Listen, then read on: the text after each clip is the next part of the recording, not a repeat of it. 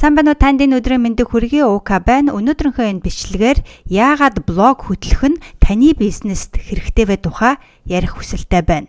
Хэрвээ та миний трафик 1.0 сургалтанд суусан бол яагаад блог хувь хүнд хэрэгтэй вэ? Яагаад блог бизнест хэрэгтэй вэ гэдгийг сайн мэддэг болсон байх гэж бодож байна.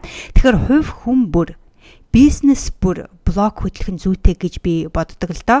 Аа тэг хүмүүс надаас асуудаг заавал блог хөтлөх хэрэгтэй юм уу гэж их асуудаг. Тэгэхээр миний бодлоор бол тийм ээ заавал хөтлөх хэрэгтэй гэж би бодож байна. Яагаад гэдгийг би өнөөдрийнхөө энэ бичлэгтэр тайлбарлахыг хүслээ.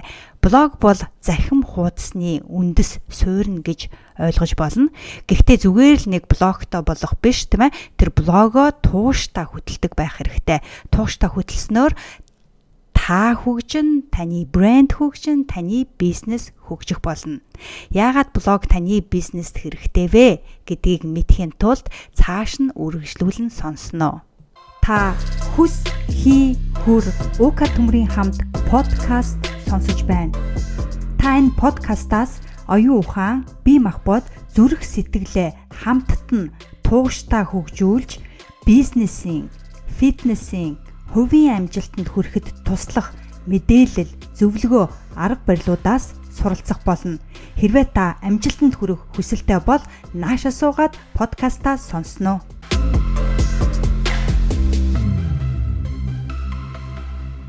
За тэгэхээр яагаад блог танаа бизнест хэрэгтэй вэ гэдэгт их олон шалтгаан бий. Тиймээс өнөөдөр би зөвхөн хоёрыг нь оруулж байна. Тэгэхээр эхний нэг шалтгаан нь юу вэ гэвэл нэгдүгээрт хайлтын систем буюу SEO-го сайжруулахын тулд блог хөтлөх хэрэгтэй болдог.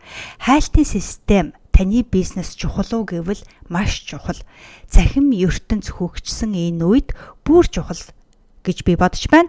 Блог хөтлснөөр захим ертөнцийн ил гарч ирнэ гэсэн үг.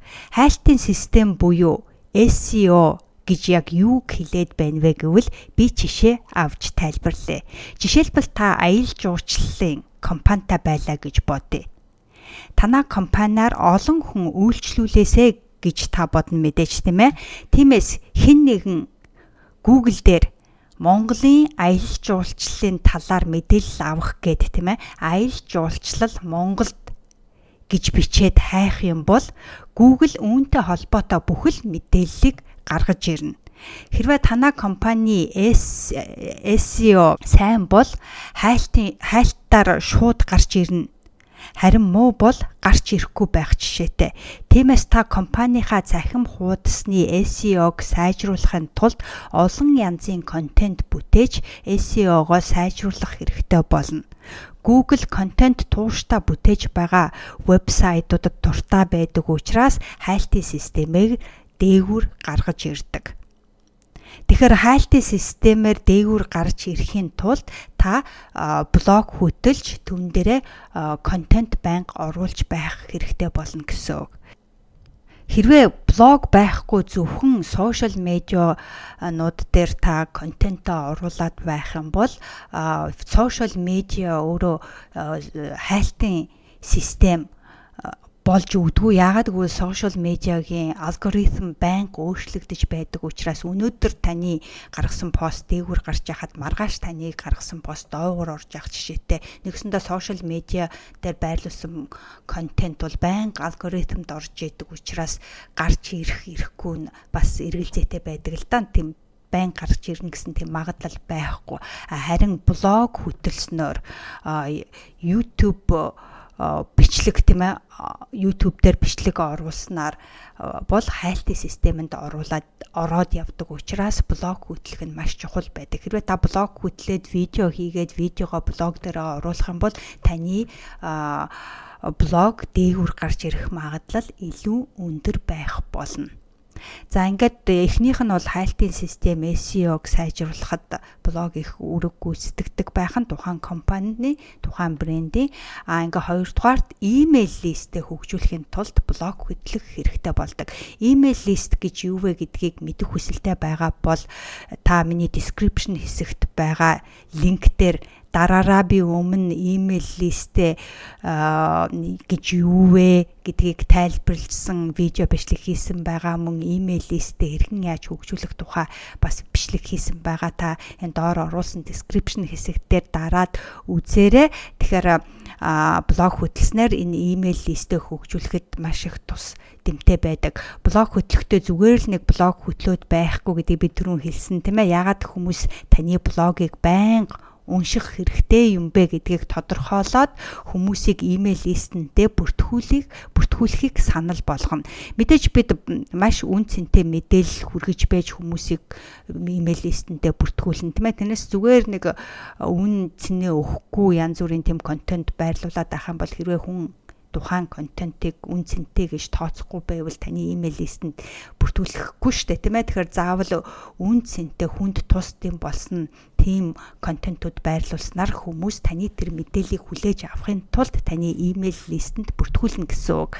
Захим ертөнц хөгжсөн үед имэйл лист маш чухал байдаг. Учираас бизнестэй л бол имэйл листээ өргөжүүлэх хэрэгтэй болно гэсэндээ өргөжүүлж хэрэгжүүлэх имэйл листэнтэй олон хүнийг бүртгэж авна гэсэн үг. Тийм учраас блогороо дамжуулж маш хэрэгтэй үн цэнтэй контент бүтээж түүнийгээ бусдад хүргэснээр бусад түүнийг чинь уншиж үнэхээр хэрэгтэй бол дараа дараагийн контентыг алдахгүй уншиж хэрэгтэй мэдээлэл татаж авахын тулд таны имэйл листэнд бүртгүүлнэ.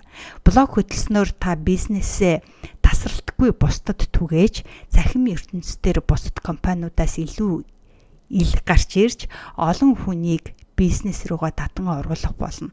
Олон хүнийг татан оруулснаар та олон хүнийг имэйл листтэй бүртгэж авна.